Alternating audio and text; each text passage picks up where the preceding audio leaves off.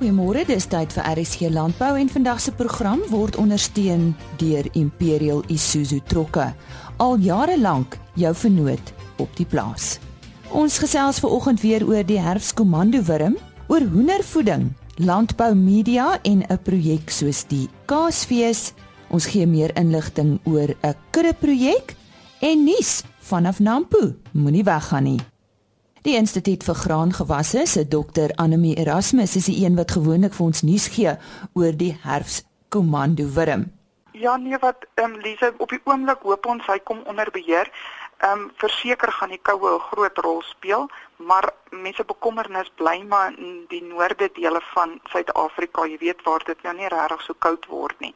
Dan ehm um, raak mense 'n bietjie bekommerd wat gaan so plaag maak wat jy nou nie eintlik ken nie. So dit gee eintlik meer vrae as antwoorde op die ouene van die dag.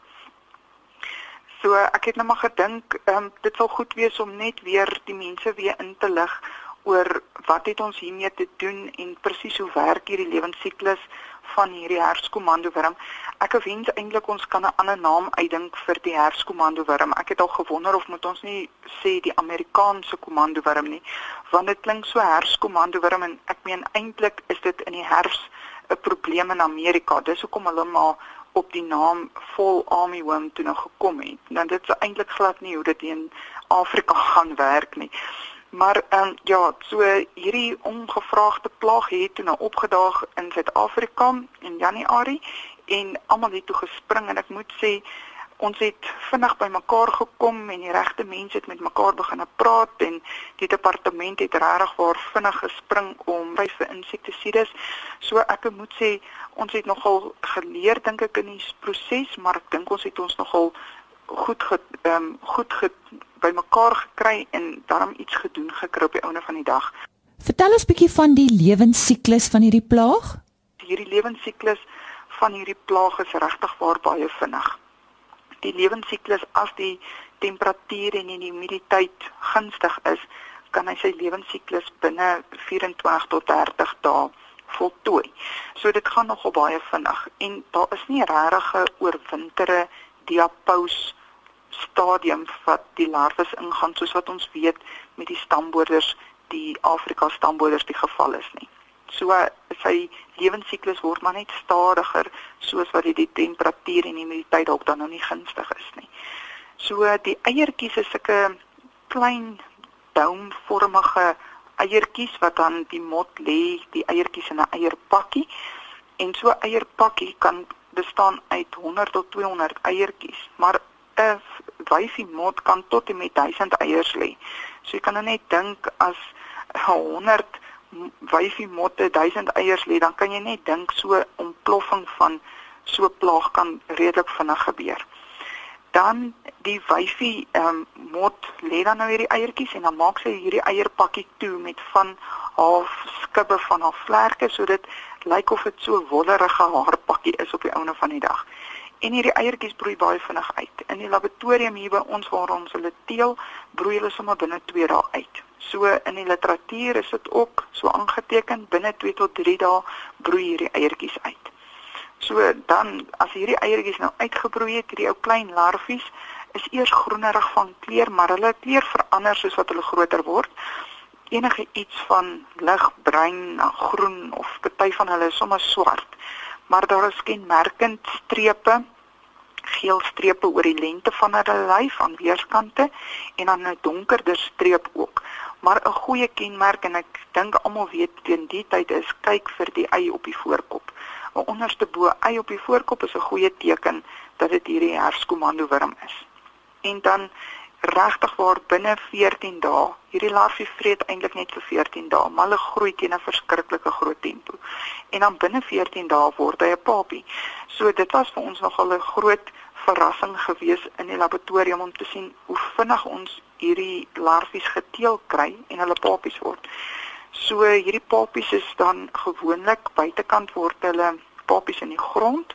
Hulle maak so 'n papie selletjie wat hulle basies so aan mekaar spin en maar ek het ook al gehoor en gesien dat hulle dis die blare so bymekaar kan trek en dan boogronds ook papies kan word maar oor die algemeen is dit in die grond en dan is vat hierdie papie stadium so tussen 8 en 10 dae in die somer en dan kom die motte uit.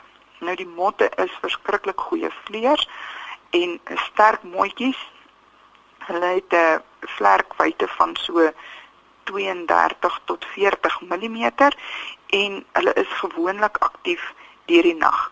Nou as jy hulle frustreer deur die dag, gaan hulle wel vlieg. Ek het gesien hier in die laboratorium as ons die lig aansit, is dit asof hulle verskriklik rondfladder, maar dit is asof hulle meer rondfladder net om 'n besoek vir 'n plekjie om weg te kruip. So mens sal hulle dalk hier en daar in die dag sien vlieg, maar oor die algemeen is hulle aktief en op soek die mannetjies na die wyfies in die nag. Anemie is daar duidelike verskille tussen die mannetjies en die wyfies. Die mannetjie het sulke grys en bruin en donker skakeringsmerke op sy vlerke en 'n mooi driehoek wit tipe van merk meer na die um, onderkant van die flat voorvlerke waar die ou wyfie is maar ou val tipe mooitjie wat grys bruinerig is maar sy definitief nie daai prominente merke op haar vlerke nie en dan al twee die mannetjies en die wyfie se agtervlerke is so wit silwer van kleur en dan hierdie motte kan tot en met 10 dae lewe dit is wat in die literatuur is, maar kan amper dink dat hulle dalk langer kan lewe. So dit is hoe die basies die lewensiklus van die herfskomando wurm werk. Maar die boere moet dan nou nie hulle gaan staan en verwar met huidige pla wat ons wel ken nie. Soos die Afrika komando wurm. Dit is tipies daai swart blou wurm met die geel strepe wat in massas migreer en dan die veld en die grasgewasse vreet. Jy weet dit is nie, ons kry dit dalk een keer in 10 jaar so uitbraak. So die boere moet dit nie verwar met hom nie.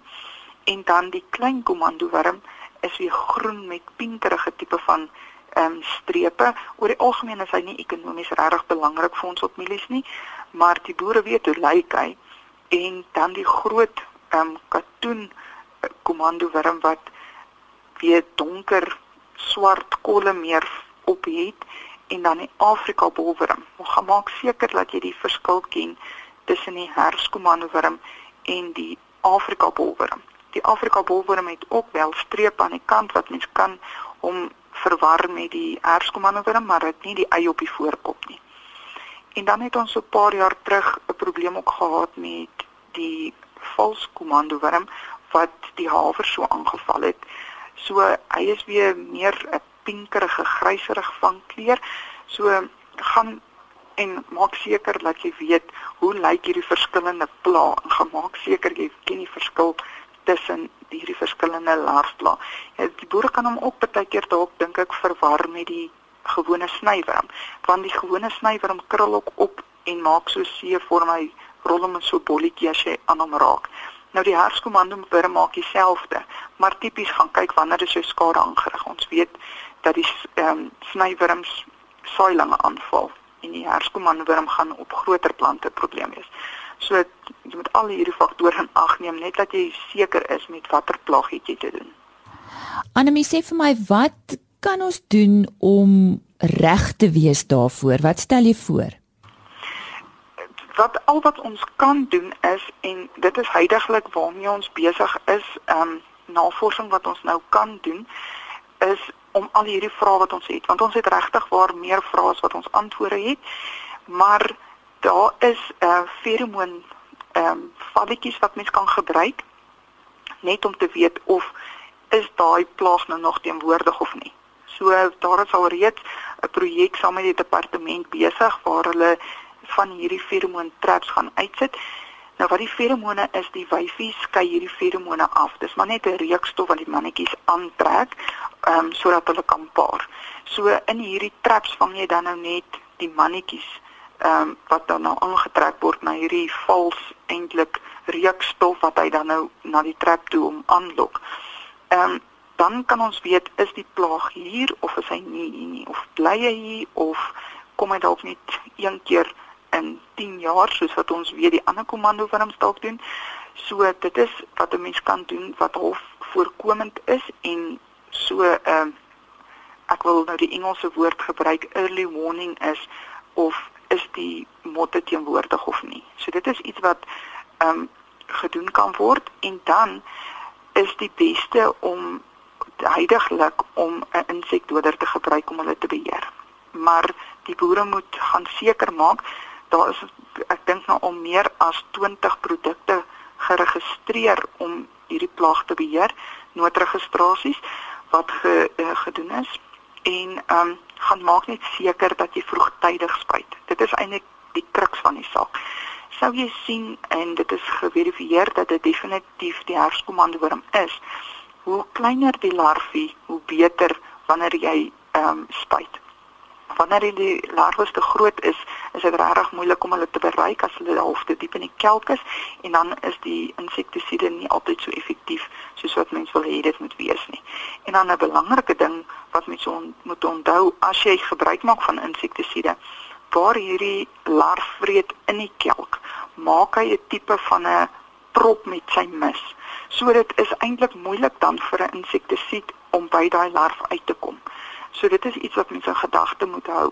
So die kruks is maar net hoe vroeër jy dit optel, hoe beter. Hoe kleiner die larf, hoe beter resultate gaan jy kry.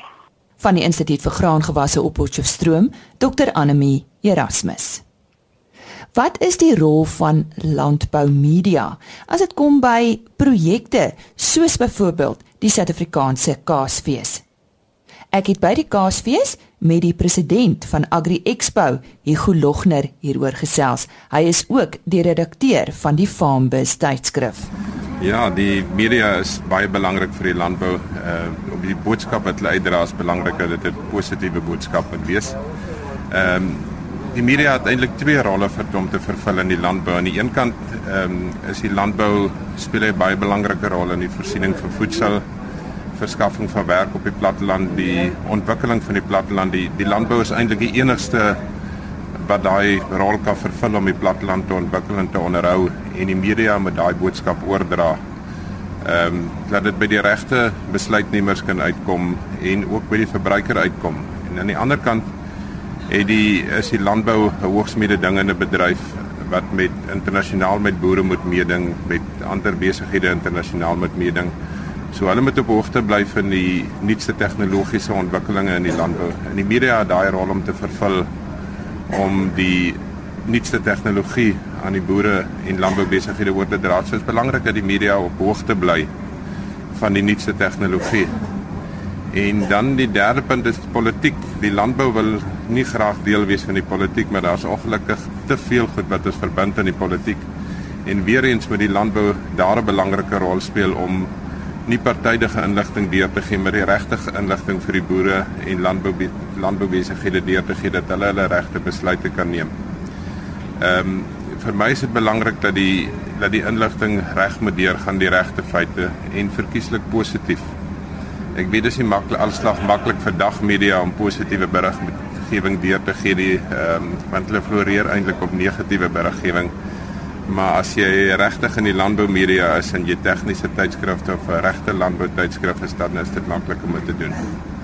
Maar ek dink oor die algemeen is 'n landbouer 'n positiewe persoon, so dit maak dit vir ons eintlik maklik. Ja, 'n landbouer moet positief wees. Hy moet glo anders gaan hy nie 'n voortbestaan kan maak nie. Hy moet glo dit gaan reën. Hy moet glo sy mielies gaan groei of sy skaap gaan uh, gewig aan sit of sy beeste en hulle gaan kalf. As hy nie positief is, dan gaan daar niks gebeur nie. Nou jy's al lankal in die media, ehm um, al deel van landbou media. Die dinge vir jou baie verander die laaste 10 jaar. Nie werklik nie. Ehm um, ek, ek dit is net makliker nou is as jy vat waar waar media begin het met ons kameras en notaboeke en alles en in in so al wat eintlik verander het is weer eens die tegnologie. Ons moet ook maar bybly. 'n Vreemde verskynsel van ons boek in 50 is die sosiale media en en Facebook en Twitter al daai goed dit is dis nog 'n reuse aanpassing vir ons ouer persone in die landbou om daarmee tred te hou. Die president van Agri Expo en ook die redakteur van Farmbus, Hugo Logner. Ons uh, gesels nou met Frikkie van Sail.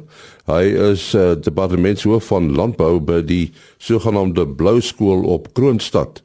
En uh, hulle neem deel aan 'n uh, kuddeprojek van Veeplaas en hulle te doen met die Santa Gertrudis uh, kudde. Uh Frikkie, hoekom neem julle aan die projek deel?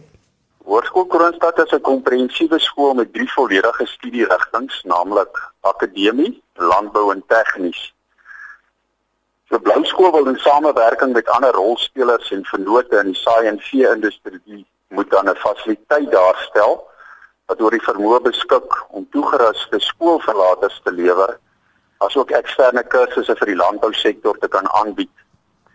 Die skoolverlaters en kursusgangers moet dan die nodige praktiese ervaring en vaardighede van die nuutste tegnologie kan aanleer sodat hulle aan die behoeftes van die landbouindustrie kan voldoen maar ook om die vermoë beskik om hulle eie besighede te kan begin en te kan bedryf. En uh, hoekom het julle die Santas gekies? Herman Kleinhans van die Kleinhansvelde Santa Gertrudis Stoets is reeds verskeie jare betrokke by die skool met vleisbeesopleiding van ons landbouleerders.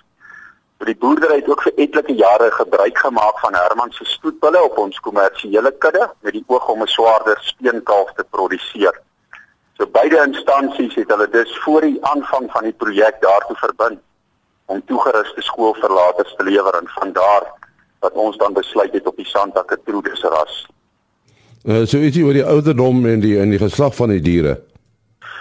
Ons het 9 diere ontvang vanaf veeplaas wat hulle weer gekry het by die teelers genootskap en die ouderdomme wissel van 2 tot 3 jaar. Uh, die die uh, Santa ras genootskap is hulle betrokke by hierdie spesifieke diere. Ja, die steun en samewerking wat ons van die Santa Gertrudis Genootskap ontvang is vir ons van onskatbare waarde. Vir ons as Blou Skool is dit 'n eer en 'n voorreg om met die Santa Gertrudis Genootskap geassosieer te word. Die skool word sover moontlik by alle aktiwiteite betrek en het ons ook gedurende die afgelope bloemskou dan deelgeneem aan die 10de Santa Gertrudis Wêreldkongres. En tydens hierdie kongres is ons met oop arms verwelkom en het verskeie van die topspelers in die Santa bedryf hulle daartoe verbind om ons te steun en te help sover dit binne hulle vermoë is. En, en die die versorging uh, van die diere, die omsien van die diere, wat behels dit alles?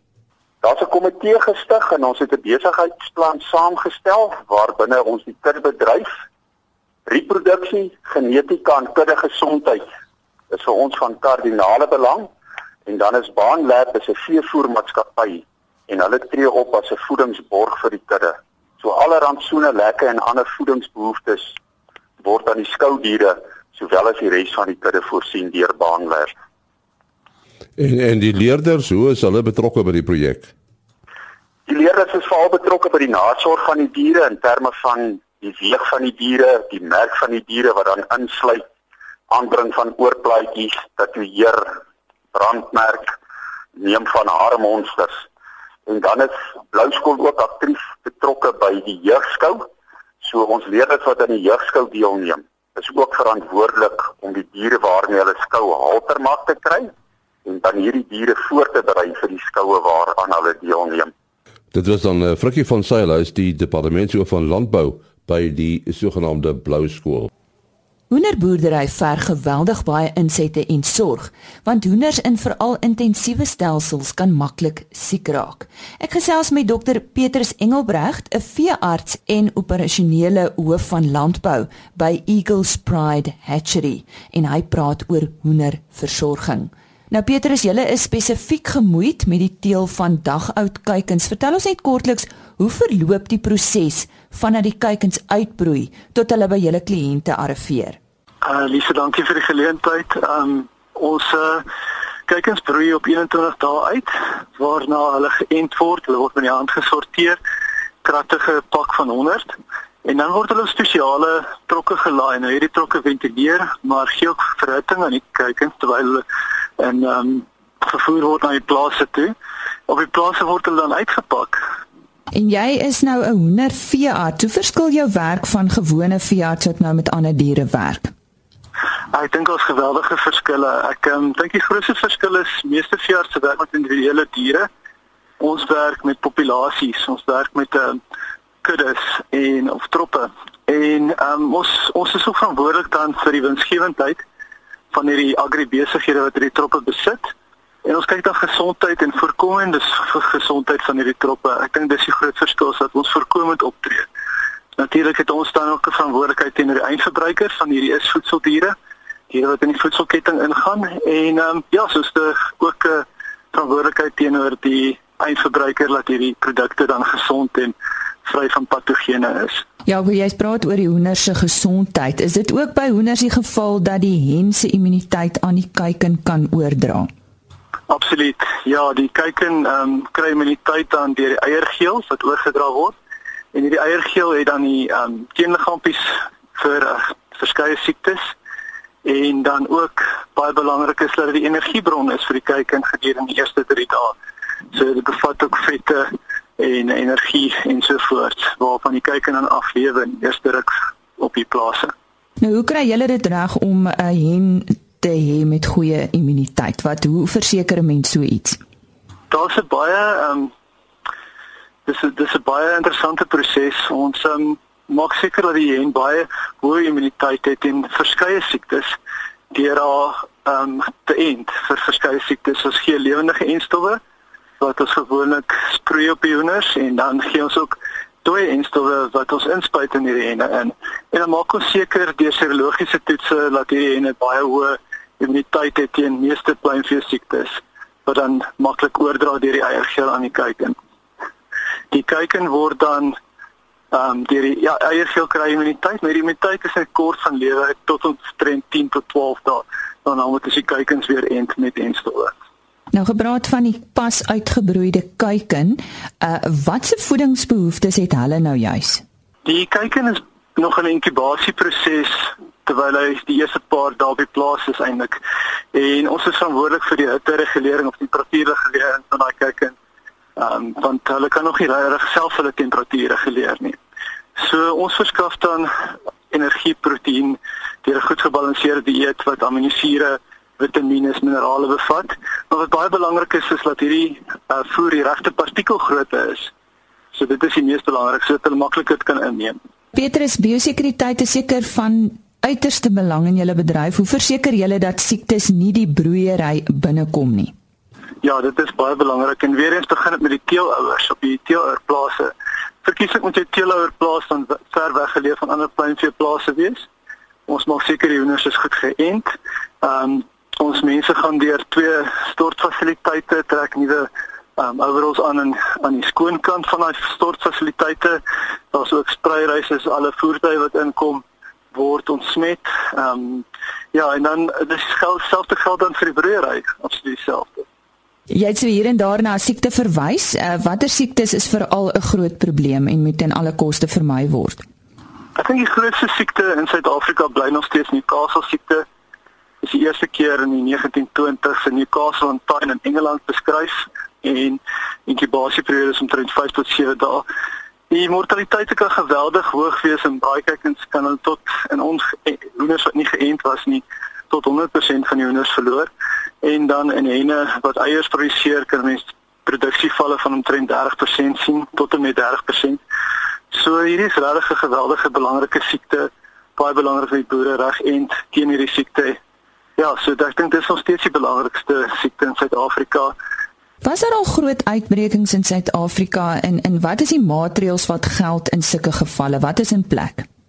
As 'n groot uitbreking van siekte is, ehm um, veral verklaarbare siektes word ehm um, die staatsveearts betrokke. Privaat veearts moet dan die staatsveearts kontak. So in 'n geval van byvoorbeeld Newcastle siekte of ehm um, uh, griep of sweets, dan sal die privaat veearts die staatsveearts kontak en dan word dan maatreëls opgestel soos byvoorbeeld 'n rooi kruis permit, so die hoenders mag net onder 'n rooi kruis permit vervoer word en dan word stel hulle saam maatreëls op om beste biosekuriteit te bewerkstellig, asook hoe die produkte soos mis en so wat eie hoek uitkom, ehm um, vervoer moet word en so voort. Nou as ek uh, dink hoe hoeveel hoenders op een slag of kuikens op een slag in 'n area gehou word, dan dink 'n mens onmiddellik aan dierewelsyn. Dit is seker van uiterste belang. Hoe is julle fasiliteite ingerig om die hoenders se welsyn te bevorder, Petrus?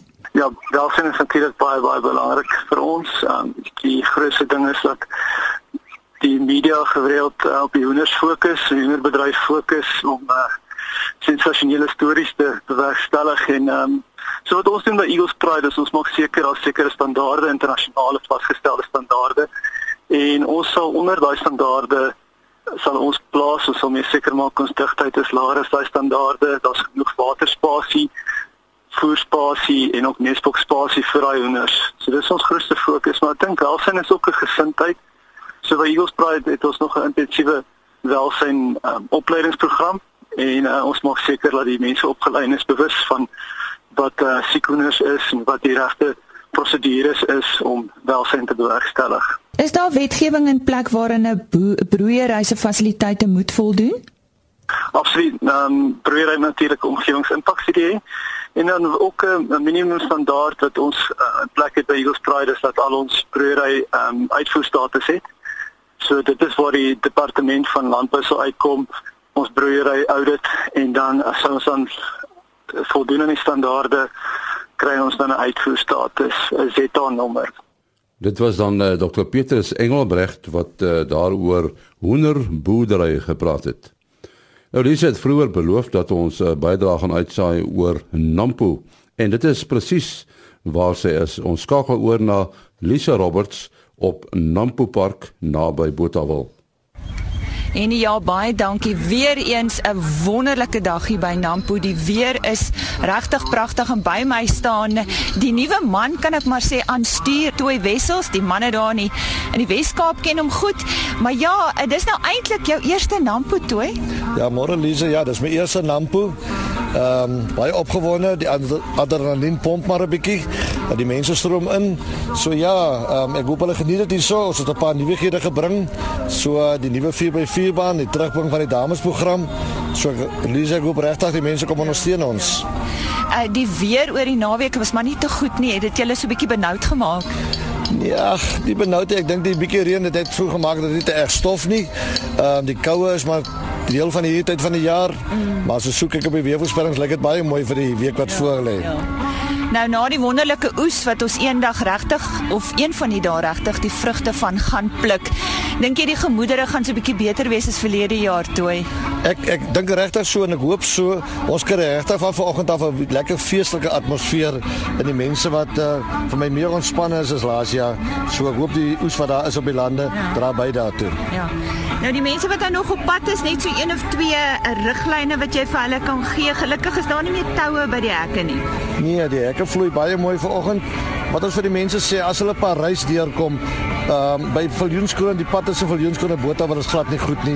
Probeer eerder Vierfontein omkom. Ons het vir julle borde aangesit. Ehm um, maar weer ry ry asseblief versigtig.